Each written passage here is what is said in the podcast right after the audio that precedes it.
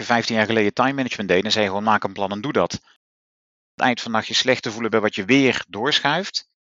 Want afspraken met jezelf niet nakomen, daar zijn de meesten van ons uh, heel mild in. Het vertrouwen dat je erop aan toe zult komen en dat je dus nu niet meer aan hoeft te denken, dat, dat is het goud. Het is aandacht voor aandacht. Ik vind het echt zo leuk dat we dit mogen delen. Jij geeft boeken weg. Speciaal voor mensen die de podcast luisteren. Een burn-out en nu? Ben je helemaal opgebrand en denk je hoe nu verder? Dan is dit jouw podcast. Welkom bij de podcast Een Burn-out en nu? Waarin ik, Anne Lindenkamp, in gesprek ga met mensen die net als ik een burn-out hebben gehad met de vraag hoe was die periode nou voor jou? En ik deel mijn zoektocht naar verschillende coaches en therapeuten die jou kunnen helpen om weer uit je burn-out te komen.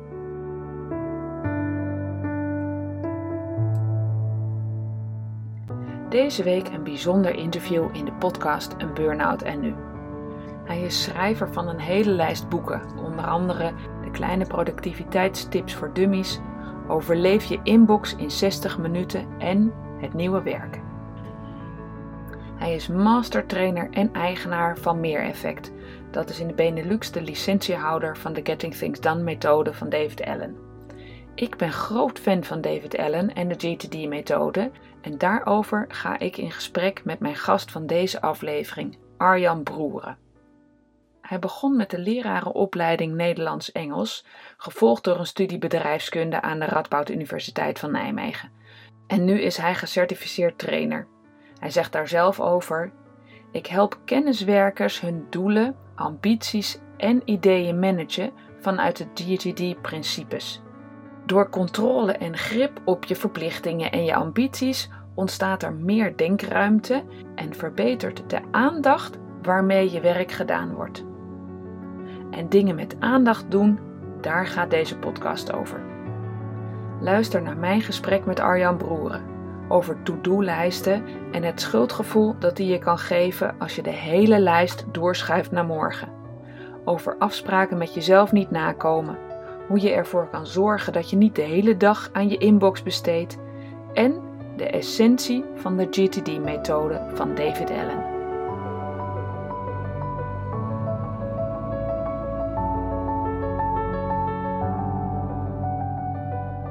Vandaag hebben we uh, alweer, ik zeg iedere keer, een bijzondere gast. Vandaag hebben we er ook een.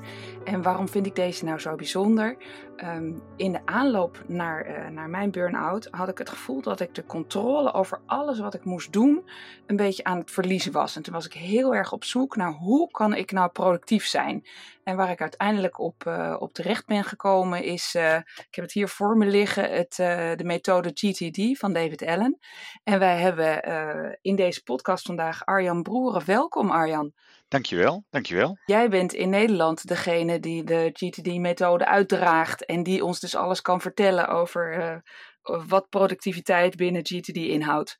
Ja, zeker. Ja. Voor de Benelux uh, ben ik de, wat we noemen mastertrainer. Dus ik doe trainingen, coaching. Ik schrijf over uh, productiviteit. Dus daar ben ik fulltime mee bezig. Ja, leuk. En kan je ons, uh, ja, ik vind het in ieder geval heel erg leuk. Ik roep wel heel enthousiast, maar ik vind het heel leuk. Kan je ons heel kort even vertellen wat de GTD-methode precies inhoudt? Ja, Getting Things Done. Um, en de titel is een beetje verwarrend, want dat heeft iets heel kranigs. Hè? Dingen voor elkaar krijgen, dingen afmaken, afvinken. En het, de kern van de methode is het boek van David Allen. En hij schrijft: Het is aandacht voor aandacht. Waar gaat je aandacht naartoe? Lukt het om je aandacht te sturen? Lukt het om je aandacht te hebben bij dat wat je op dit moment doet? En om dat te kunnen, moet je een paar stappen doen, omdat je niet van nature je aandacht ter beschikking hebt. Hij wordt makkelijk getrokken door dingen die je moet en wil, acties die je te binnen schieten, zorgen die ergens over knagen. En het vermogen om je aandacht te managen en de dingen die je wil doen in een systeem uit je hoofd te hebben, die geven je eigenlijk het vermogen om je aandacht te sturen. En dus de verplichtingen die je aan bent gaan te managen. En dat is denk ik de Achilleshiel van aandacht. Dat je een heleboel verplichtingen hebt, dingen wil doen, dingen wil bereiken. En als je dat niet op die manier weet te managen, is dat vrij voortdurend in je hoofd aanwezig. En de clue is dus aandacht voor aandacht en hem kunnen sturen. Dus aandacht van aandacht, terug naar mij als voorbeeld. Ik had gewoon een drukke baan, uh, een gezinsleven met drie opgroeiende kinderen.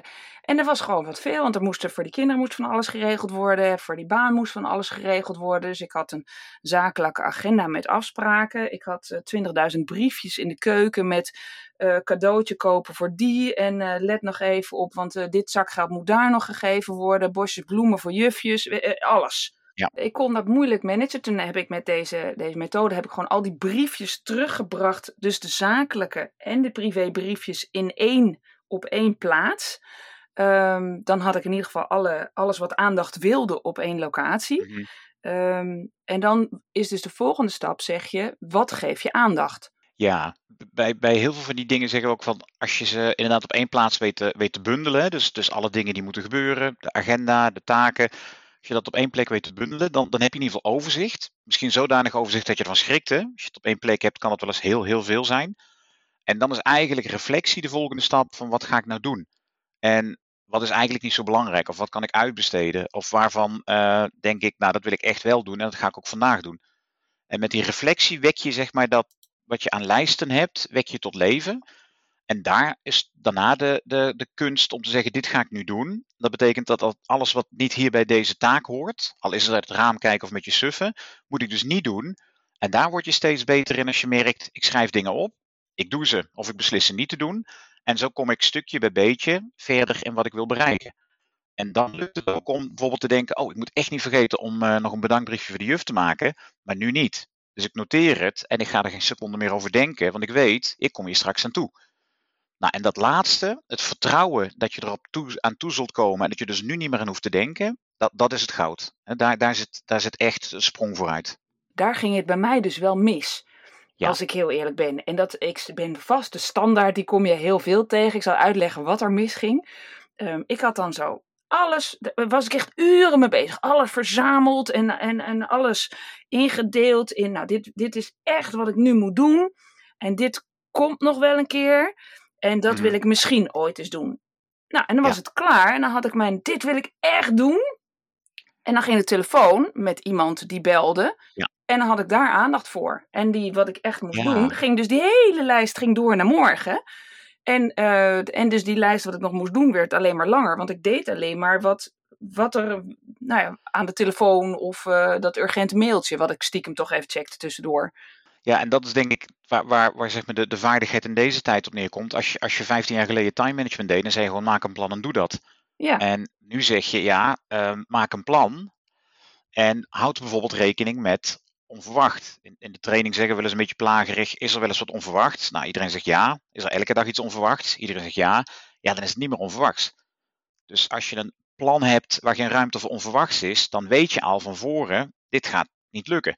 Dus ik moet ergens de kunst verstaan om een dag niet helemaal drie keer te verkopen, maar drie kwart te verkopen. En dat is lastig, hè, want je, je wil van alles. Dus wat is er nou lekkerder dan vijf taken op een lijstje zetten?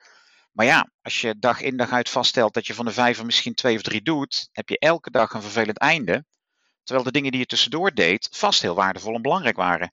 Of leuk, hè? je had een spontaan idee, dat heb je gedaan. Nou, dat is een hartstikke goed besteden dag.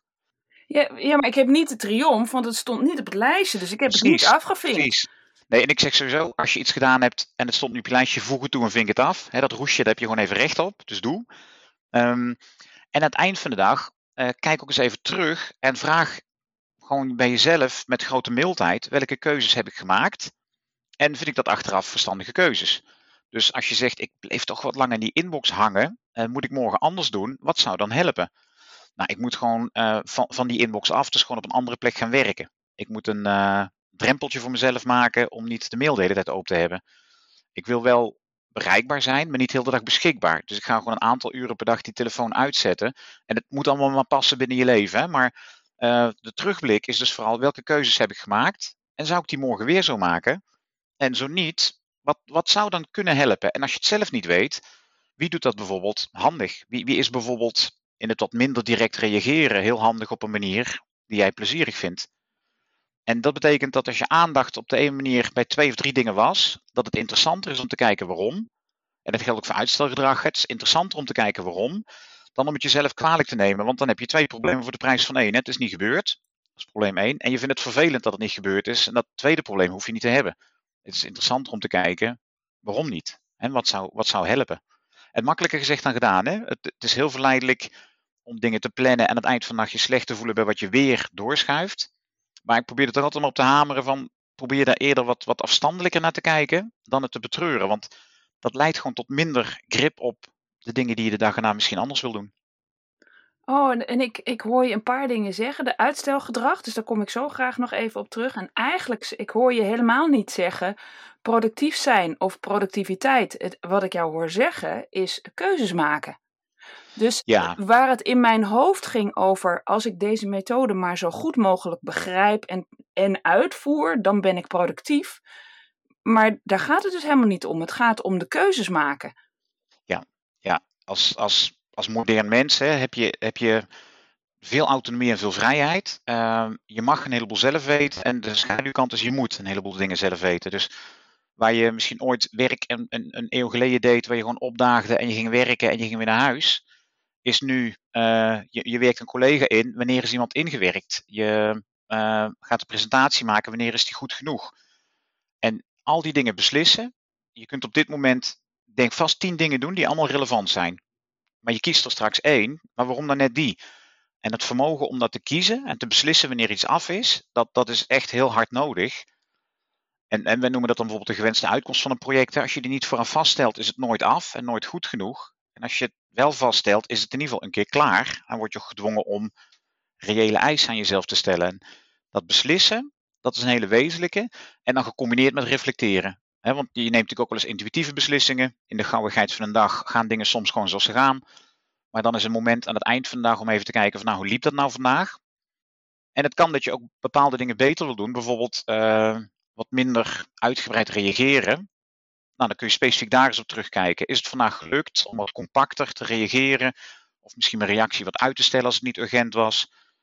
Dus die mix van beslissen en reflecteren, daar, daar zit een heleboel winst als het lukt om dat uh, goed te doen. Dus eigenlijk is dat uh, als, je, als je deze methode wil implementeren, en ik vind hem fantastisch. Ik, ik ben echt uh, verslaafd eraan ongeveer. um, uh, dus, maar als je dit dus wil implementeren, moet je niet zoals ik deed focussen op dat de lijstjes heel duidelijk waren. En dat ik, dan ging ik uren lang denken, oké, dit is een project. Wat is de gewenste uitkomst? En dan tegen de tijd dat ik de uitkomst had bedacht, dacht ik, ja, dan heb ik er al over nagedacht, hoef ik het project niet meer te doen. Ehm, maar het gaat dus puur om niet hoe mooi al die lijstjes zijn hoe goed je alles voorbereidt. Het gaat gewoon om dat je het juiste doet en daar moet je je tijd aan besteden. Ja, en, en de lijst en, en liefst ook een complete en concrete helpt beslissen. Dus, dus, dus ik dat is een soort menukaart waarvan je, uh, als je er goed naar kijkt, kan kiezen wat ga ik nou doen. Maar het is niet het hart van de kwestie. Het is een van de hulpmiddelen die ik gebruik om te kiezen en om ook, en dat is natuurlijk ook wel belangrijk, je gaat altijd dingen niet doen. En om je goed te voelen bij wat je niet doet, is het wel handig om dat overzicht te hebben. Dus de dromen, ambities, ideeën, als je daar één keer per maand naar kijkt, de concrete taken, als je daar één keer per week indringend naar kijkt, dan weet je, ik heb een aantal dingen niet gedaan, maar prima, hè, waren goede keuzes. Of, nou, een paar dingen wordt nu toch wel wat spannend. Ik moet volgende week toch echt kritisch zijn op waar ik ja op zeg, want ik heb genoeg zelf te doen. Dat kan het beste met een compleet overzicht van wat je wil doen. En ik haal er altijd bij, het kan intimiderend zijn als je dat de eerste keer maakt. Ik weet niet of dat jou ook zo was, als je alles opschrijft. Ja, Dat je In de methode wordt dan op een gegeven moment gezegd, um, alles wat in je hoofd zit, zet dat gewoon op papier. Dan is het uit je hoofd. Nou, dat klonk echt bevrijdend. Maar toen had ik wel ineens mijn hele, uh, toen moest ik mijn hele schuur opruimen en de zolder moest en de gordijnen moesten gewassen en gestreken Hoezo moeten de gordijnen gewassen en gestreken? Nou, er was af en toe een vlak dat ik dacht, oh ja, die gordijnen die moeten wel eens gestreken. Dus, dus er, ik eindigde met eindeloze lijst dat ik dacht, oh, dit moet ook nog allemaal, dat moet ook nog allemaal. Ehm, en, die hingen dus ineens in mijn nek. Ja, en wat, wat bij de MindUp eigenlijk de bedoeling is, is schrijven op wat je aandacht heeft. Hè? Dat kunnen de gordijnen zijn. En in stap 2 beslis, kijk, ga ik het nou doen of niet? En daar kan je beslissen, joh, uh, van alles wat er moet gebeuren, is dit wel echt zo onbelangrijk, doe het niet. Of dat je zegt, nee, dat ga ik doen, dat vind ik een leuk klusje. En de minddump is echt, wat heeft je aandacht? Schrijf het op. En daarna is het, want we zeggen er ook altijd bij, schrijf het op en je hoeft het nog niet te doen. Hè? Het enkele feit dat je het noteert, betekent niet dat je het gaat doen. Het betekent alleen dat het je aandacht heeft en dat je er een beslissing over wil nemen. Nou, en die, dat doe je de minddump denk ik wat bevrijdender. Want dan kan het zijn, zeg je, ik wil nog Spaans leren. Um, ik, ik, zou de kinderen wat mee willen geven over financiële onafhankelijkheid. Hè. Hoe eerder ze dat leren, hoe beter. Nou, je hebt vast tientallen dingen die je kan noemen. En dan in stap 2 pak je die lijst met ruwe denksels. En dan ga je inderdaad zeggen, wordt het een project of niet? En dan kan het zijn dat je inderdaad zegt, nou voorlopig nog niet. Of ja, nu ik het zo zie, denk ik, ach, dit, dit, dit hoeft eigenlijk niet zo nodig. En de dingen die je dan wel wil doen, daar wordt het commitment dan ook heel serieus. Dan zeg je, oké, bijvoorbeeld je wil je kinderen iets leren over financiën, wat is de gewenste uitkomst? Hoe ziet het eruit als dat af is? En wat is een eerste actie en wie heeft hem? En dan zit je dus ook niet zo in de zou. Hè, van ik zou eigenlijk wat gezonder willen eten. Ik zou eigenlijk wat meer willen bewegen. Want bij zou heb je het nadeel, je doet het niet. En je neemt het je kwalijk dat je niet doet. Je besteedt er aandacht aan die nergens naartoe gaat. Dus de kunst om het te beslissen nu niet. En als je het wel doet, te beslissen, het is een project en wat is een actie. Het klinkt wat zwart-wit. En het is het eigenlijk ook. Hè? Je doet iets of je doet het niet. En je forceren die beslissingen te nemen met een lijst van alle dingen die aandacht hebben. Dat, dat is een belangrijke. En de meeste mensen schrikken daarna ook van, zo, ik wist niet dat ik zoveel dingen had die ergens mijn aandacht hebben. Nou, beslis om te kijken wat ga je dan ook echt doen. En dat is een kleiner deel van die hele grote lijst. Ja, en het, ik hoor je ook zeggen, het is ook helemaal prima als je, uh, in mijn geval, de gordijnen was. Uiteindelijk zijn wij gewoon verhuisd en zijn die gordijnen nooit gewassen en gestreken. En was de nieuwe bewoner super blij dat wij ze lieten hangen. Dus het is ook helemaal oké om gewoon echt te besluiten. Nou, het heeft mijn aandacht. Wat een onzin eigenlijk. Ik doe het gewoon niet. Is ook goed. Ja, ja en dat is die gewenste uitkomst ook. Hè? Als je die gewenste uitkomst hebt opgeschreven, is altijd heel simpel de vraag: trekt het je aan? En soms zeg je ook, ja, het laat me eigenlijk onverschillig. Uh, of, of, ja, ik merk dat dat helemaal niet van mij hoeft, maar ik heb ergens een of andere norm opgepikt of zo. Dus de, de, de, schifting en het bevrijden van nu in ieder geval niet, uh, dat, is, dat is bijzonder prettig, ja. Ja, en, en eerder noemde je ook uitstelgedrag. Want dat is ook wel. Um, uh, ik ging naar projecten aanpakken. En dan denk ik, oh, dit is interessant. Oh, maar dat hoort er eigenlijk ook nog bij. En dan bleef ik dus maar informatie verzamelen. Um, want ja, je, je, weet niet, als je dat nog even nakijkt, dan komt daar nog iets heel interessants aan het licht. Um, Ik kon niet kiezen. En die, die, ik, ik heb het nooit ervaren als keuzestress, maar wel als, uh, uh, nee, maar dit is ook leuk, dit hoort er ook bij. En het effect was dat ik dingen uitstelde en te laat beslissingen nam of te laat kwam. Of, uh, um, en hoe kan, wat zou je tip daarvoor zijn? Ja, bij, bij um, een project, hè, dus als je iets groters gaat aanpakken, dan is er laatst zo'n fase van alles hangt met alles samen. Dat je, dat je heel de wereld en alles wat je op tv kijkt of in een tijdschrift ziet eraan kan verbinden. Ja. En daarvan is eigenlijk het fijnste om te beginnen met een gewenste uitkomst. Zo van, nou, als dit project nou af is, hoe ziet de wereld er dan uit? Dus, dus stel dat ik mensen, uh, of dat ik de kinderen wat wil leren over financiën. Hoe ziet de wereld eruit als dat af is? En meer hoeft het dan niet te zijn. En soms is dan de eerste actie bedenken voldoende. Stel dat ik zeg, ik wil dat ze het fenomeen sparen kennen en dat ze weten hoe een kleine spaaractie oplopend heel veel kan betekenen. En ik wil dat ze kritisch kijken naar wat ze uitgeven na één keer per week bij stilstaan. Nou, de eerstvolgende actie kan zijn om het te bespreken en te vragen of ze het leuk vinden en dan welke hulpmiddelen we gaan inzetten. Dan zijn we voor nu klaar. En ja, en als je het antwoord krijgt, uh, mam, dat wil ik helemaal niet weten, dan ben je ook klaar. nee, nee, want ze hebben hier de leeftijd dat ik denk, uh, ik, ik, kan het willen. Het gaat gewoon niet gebeuren als ze het niet willen. Dus, en dit zit niet in de categorie moeten, dus uh, nee, nee, nee. Nee, dan is het project is meteen klaar. Hè, dus, het is ook heel bevrijdend. Dan heb je gewoon stap 1 gedaan en dan kwam de uitkomst, was misschien niet gewenst, maar dit is wat het is. Ja, en, en ja, nou ja, dat is natuurlijk dat kan je professional ook hebben. Dat je een, project pitcht en iemand zegt, joh, ik zie hem niet, uh, gaan we niet doen. Um, en hoeveel energie wil je er dan aan, aan besteden? Uh, misschien een heleboel en misschien zeg je inderdaad van ik ben klaar. En nou ja, dat, dat is denk ik de kunst om dan te zeggen dit project stopt hier meteen. En ik ben er klaar mee. En dus, dus het data verzamelen, het analyseren, het, het zeg maar uh, voorbereiden. Liefst, liefst breng je terug tot twee dingen. Wanneer is het klaar en wat is de eerste stap? En bij sommige projecten moet je meer denkwerk tussendoor doen. Hè? Moet je ook echt even, stel dat je iets gaat organiseren, een event, dan moet je natuurlijk wel meer vooruit plannen. Maar voor heel veel kenniswerkprojecten, ik wil ergens beter in worden, of ik wil een nieuwe methode introduceren, of ik een website opzetten, volstaat vaak wat, wanneer is het klaar en wanneer is het goed, slash goed genoeg. En welke actie kan ik nu doen? En heel veel meer is er dan even niet in mijn wereld dan dat. Uh, ja, en het is eigenlijk puur door wat je zegt. Je hebt een project en je hebt eerst, de, je bedenkt wat wil ik met dit project? Hoe moet het er aan het einde uitzien? Want dan heb je een doel om naar te werken. Ja, ja. ja. En de vraag, de vraag is ook, want de gewenste uitkomst, het eerste woord is ook echt belangrijk. Trekt het je aan? Heb je, heb je eigenlijk zin om hier aan te beginnen? En het kan ook betekenen, stel dat je een of andere administratieve klus moet doen en daar echt verschrikkelijk niet zin in hebt, kun je dat herkaderen. En soms betekent het, ja, ik wil geen gedoe met de Belastingdienst of ik wil geen uh, financiële tegenvaller. Soms moet je ook een beetje herkaderen om het echt gewenst te maken. Want anders is toch de kans groot dat je het niet gaat doen. Hè? Ja, die is heel groot. En ja, ik hoor je nu snel belasting zeggen. Dan denk ik, ja, want ik vond belastingaangifte, dat was zo'n verschrikkelijke klus. En ik deed dat dan thuis. En nu heb ik het opgedeeld in. Stap 1 is, je mag informatie verzamelen in uh, de, draai maar uit wat al die bankdingen en nou, al dat uh, werk. En stap 2 is vul het in. En beide stappen vind ik eigenlijk best wel leuk als ik heel eerlijk ben. Maar samen is het echt zo'n beer op de weg. En ik denk, wow. En sinds ik het dus in twee stukken mag doen, is het eigenlijk best grappig. En het is natuurlijk allemaal ingevuld, dus je hoeft alleen maar na te kijken. Dus dat is met belasting ook nog wel uh, heel handig. Stel je komt uit een, uh, een burn-out, want hè, we hebben natuurlijk een burn-out en nu, en je komt weer uit die burn-out. Ik, ik heb mij met al mijn to-do-lijsten en ook het gevoel dat ik geen keuze kon maken, mocht maken um, in mijn to-do-lijst. Alles wat erop stond moest gewoon gebeuren en ik had gewoon per definitie gefaald, want, want nee, ik had gewoon niet genoeg afgestreept, vond ik. Uh, stel je moet dan weer aan het werk. Hoe zou uh, de Getting Things Done wel kunnen helpen? Ja, wat je, wat je normaal gesproken doet, is je begint gewoon bij stap 1. Hè. Wat heeft je aandacht? Schrijf het op. Beslis waar je een project van maakt en een actie. Kies wat je vandaag gaat doen. Kijk terug op je week vooruit. Dus dat is normaal de aanpak. En als je daar de energie voor hebt, zou dat een goed advies zijn. Hè? Begin met, oké, wat heeft allemaal mijn aandacht? En in het boek van David Allen, maar ook op internet vind je zogenaamde triggerlijsten. Uh, dat zijn lijsten met allemaal woorden, die kunnen je helpen om in de pen te krijgen wat je wil.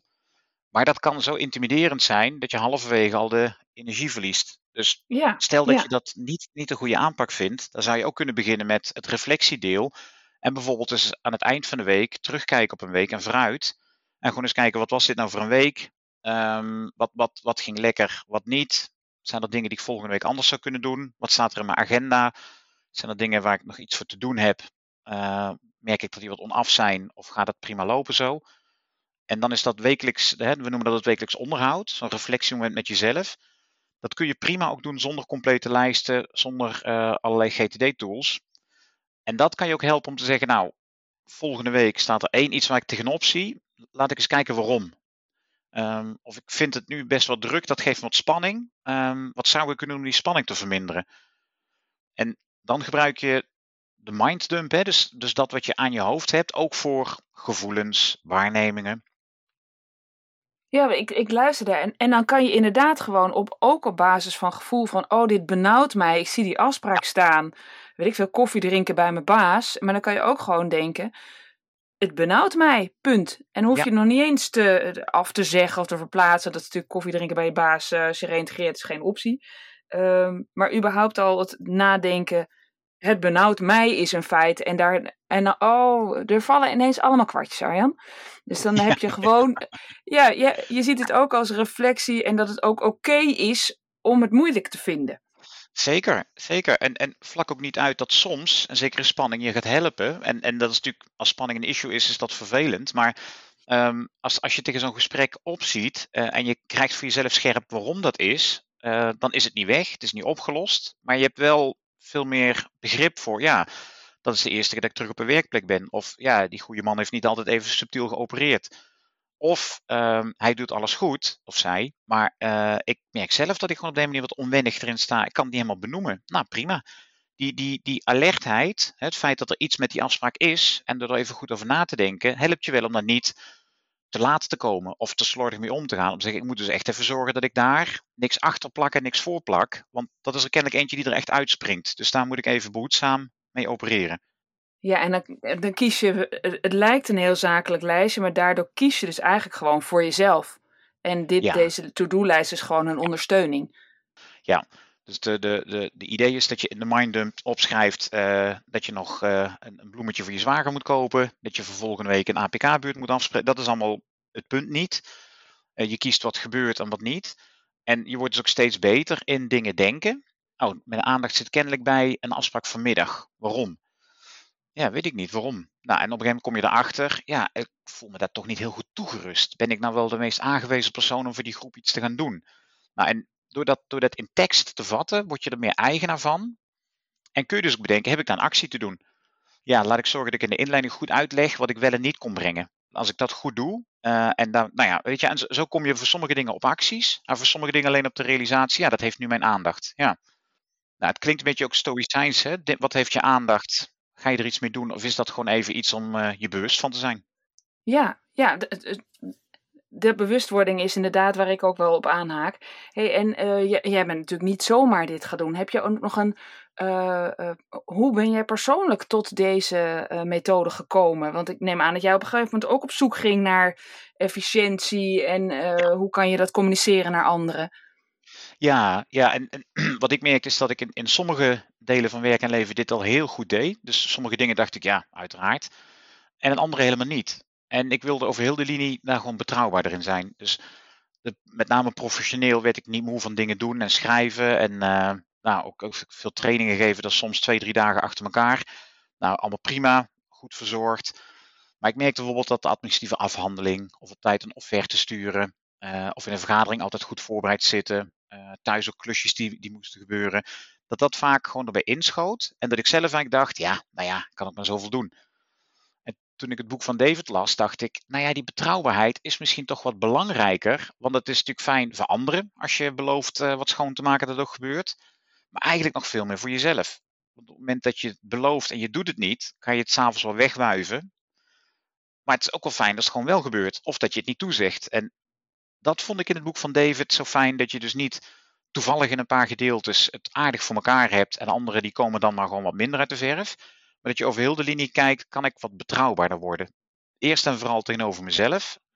Maar het is beslist een fijne bijvangst dat anderen dus ook op een gegeven moment gaan zeggen: Nou, als jij iets belooft, komt het er. Of je geeft tijdig een seintje. Dat vind ik zeg maar in die methode besloten, waar ik ook echt dacht: Oh ja, dat, dat helpt mij professioneel, privé, in het vrijwilligerswerk dat ik doe. Het, het helpt mij om dat soort tools over de hele linie te gebruiken en niet een beetje te hooien en te gras. Ja, dus eigenlijk hoor ik jou ook zeggen, uh, betrouwbaarheid is een, uh, een van mijn kernwaarden. Ik wil graag betrouwbaar voor mezelf zijn, maar ook voor anderen. En ja. uh, met deze, hè, naar aanleiding van het lezen van dat boek van David Allen, heb jij echt een hele concrete methode gevonden om ook een van jouw kernwaarden te kunnen leven, namelijk betrouwbaar zijn. Ik vind dat dat, dat is, is een belangrijk onderdeel. Hè. Dat, het mag ook eigenaarschap heten. Hè. Dat als je ergens onderdeel van bent, dat je ermee verantwoordelijk bent en dat je dus dingen doet. En en misschien één, één relativering, hè, betekent dus ook niet dat alles lukt. Hè? Dat ik twee boeken per maand schrijf en, en 40 uur werk en uh, ook nog langs de lijn staat te managen. Ik bedoel, even goed is een, is een boel rommelig of gaat het niet altijd zoals het moet of loopt een dag verkeerd. Dus je maakt daarmee niet dat je zo'n soort reclamestel bent en dat uh, je huis zo in, in, in, in de VT wonen kan. Um, maar het, zit, het zit er wel dichter op dat je weet waarom dingen wel en niet gebeuren. En dat je nuchterder kijkt naar waarom dingen niet gebeuren. Dus het, het zou makkelijk het beeld op kunnen roepen van nou, uh, hè, meneer heeft het allemaal perfect voor elkaar. Dat, dat, dat is natuurlijk genoeg te willen nog. Hè? Dus dat, uh, maar hoe je ernaar kijkt, daar helpt het vind ik wel geweldig bij om deze methode te gebruiken. Uh, dus eigenlijk is uh, wat je ook zegt, is als je deze methode, die keuzes maken, je, goed je aandacht verdelen, um, als je die gewoon lekker je eigen maakt, dan kan je ook een burn-out voorkomen.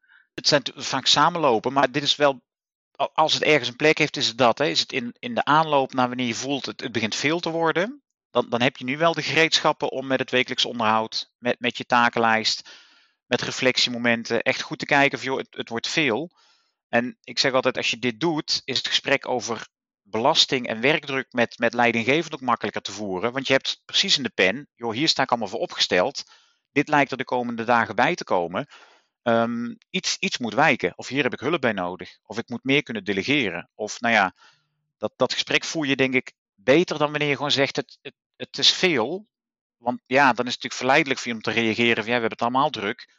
Terwijl als je zegt, kijk, dit zijn de projecten waar ik voor opgesteld sta. Dit zijn de deadlines die eraan komen. Het, het enkele feit dat ik het jou nu presenteer geeft me al een beetje zweterige handen. Dus daar moet iets gebeuren. Ja, dan heb ik nog één, één laatste ding, een persoonlijke zorg. Ik ben altijd zo verschrikkelijk moeilijk in het inschatten van tijd, hoe lang iets duurt. Ja. Bij mij staat dus in drie woorden, check je mail. Dan denk ik, nou, dat zijn drie woorden, dat is echt niet zoveel. Terwijl als ik uh, als inkoper je mail moet checken, als je op een slechte dag krijg je gewoon 250 mail. Ja, dan ja. ben je wel even, check je mail, is wel, uh, wel tijdrovend. Ja. Heb je daar nog een tip voor? Het inschatten van hoe lang iets gaat duren? Want zeker, Ja. kijk, als ik weet, tegenwoordig weet ik, check je mail, dat duurt gewoon lang. Ehm, het 250 mail is gewoon lang. Maar nieuwe dingen, geen idee hoeveel tijd dat Nee, in beslag nee. zal nemen. Nee, nee. En eh, bij, bij kenniswerk heb je natuurlijk heel vaak nieuwe dingen. Het, het, is, Ja, het is zelden dat het heel repetitief werk is. Ehm, dus, dus daarbij, zeg altijd, de inschatting die je maakt is eigenlijk standaard de positief. Dus ga daar gewoon vanuit. En er is zo'n beroemde wet van Hofstadter. Hè? Alles duurt langer dan je denkt. Zelfs als je denkt aan de wet van Hofstadter. Hè? Dus zelfs als je denkt het duurt langer, duurt het nog langer. Nou, wat, wat ik zelf hier handig bij vind, is eerstvolgende acties. Dus ik ga niet een presentatie maken, want dat, dat is een taak die is met geen mogelijkheid in te schatten. Nee. Maar de invalshoek van de presentatie bedenken, daar heb ik al een aardig idee bij. En eh, met pen en papier de dia-presentatie opzetten is dan stap 2.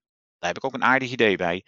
Hem aankleden en maken, nou daar kan ik het omgekeerde doen. Daar kan ik zeggen, daar wil ik niet meer dan een uur aan besteden, want ik ken mezelf. Eh, dat ga ik helemaal ideaal doen. Dus dat, dat, dan keer ik het om. Dan zeg ik, ik mag er niet meer dan een uur aan besteden. In die tijd moet het gebeuren. En dat is de andere kant. Hè. Taken die makkelijk uitdijen. Daarvan kun je zeggen timeboxen, begrenzen in tijd.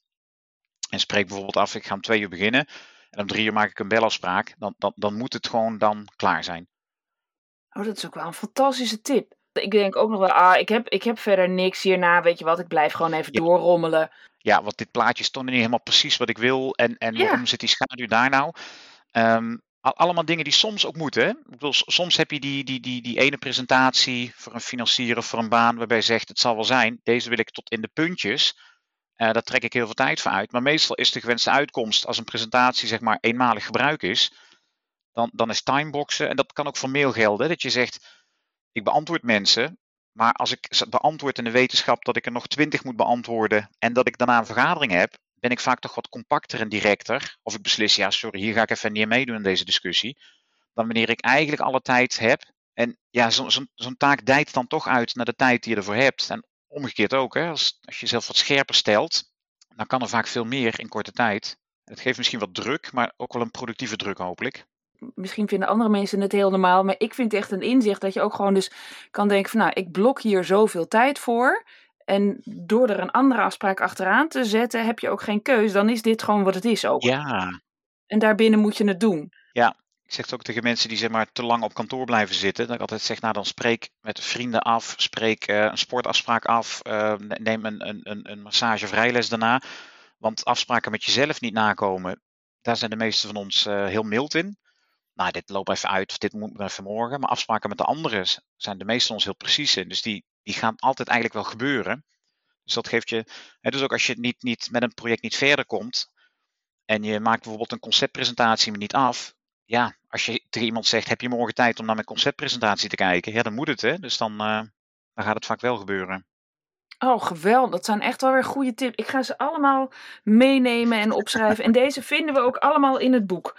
Het boek van David gaat vooral over de principes en de inzichten. Dus dat, dat is niet per se super concreet. Op sommige plekken wel, maar dat gaat vooral over de achtergronden van Getting Things Done.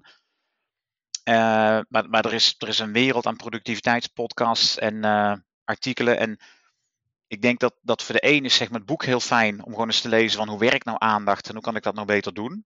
En als je concreet met onderdelen aan de gang wil, dan heb je in ieder geval dan de termen. Dan kun je zeggen, oh ja, die minddump is dat opschrijven.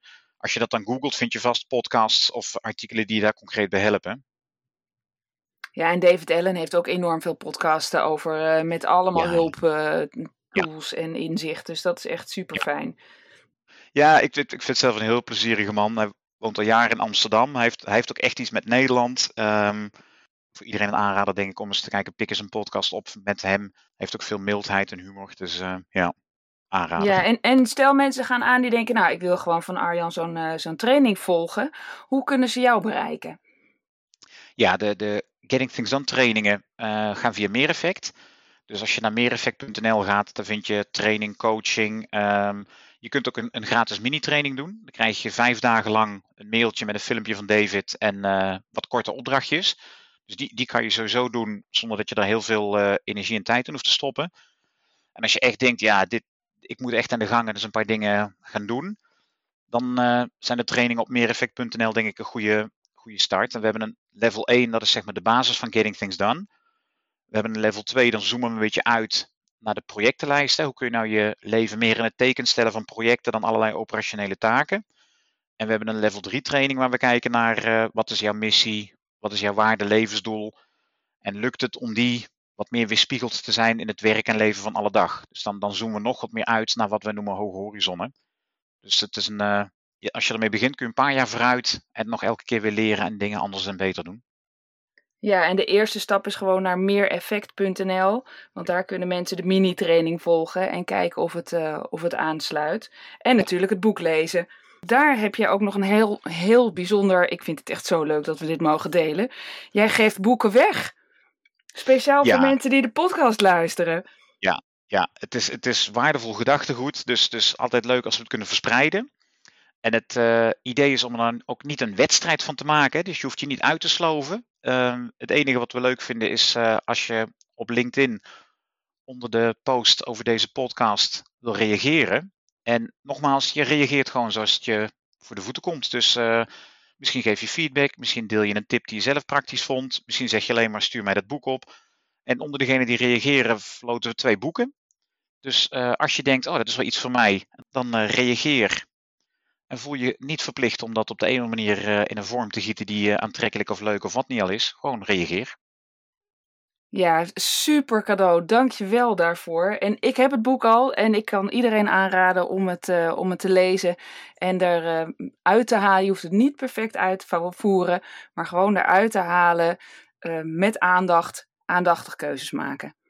Ja, ja, ja, Arjan, mag ik je hartelijk danken voor, uh, voor je uitleg en, uh, en je aanwezigheid in deze podcast.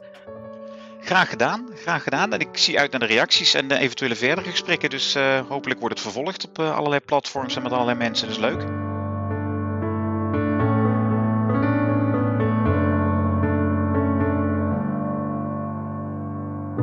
Dit is alweer het einde van de podcast Een Burnout en Nu. Fijn dat je luisterde. Deze podcast is onderdeel van mijn missie. Ik help graag zoveel mogelijk mensen bij het zetten van die eerste stap van herstel als je helemaal bent opgebrand. Wil jij ervaren hoe ik jou kan helpen? Maak dan een afspraak op de website unburnoutennu.nl. Daar kan je ook mijn gratis e-book downloaden met 11 tips voor meer energie. Weet jij een bijzonder persoon of een bijzondere therapie die anderen zou kunnen helpen bij hun herstel? Laat het me weten. Je kan me vinden op Facebook of Insta onder Anne Lindenkamp en stuur me dan direct een DM of ga even naar de website eenburnoutennu.nl slash contact. Hoor je nou graag meer van deze inspirerende gesprekken? Abonneer je dan even, dan hoef je niets te missen. Tot de volgende aflevering.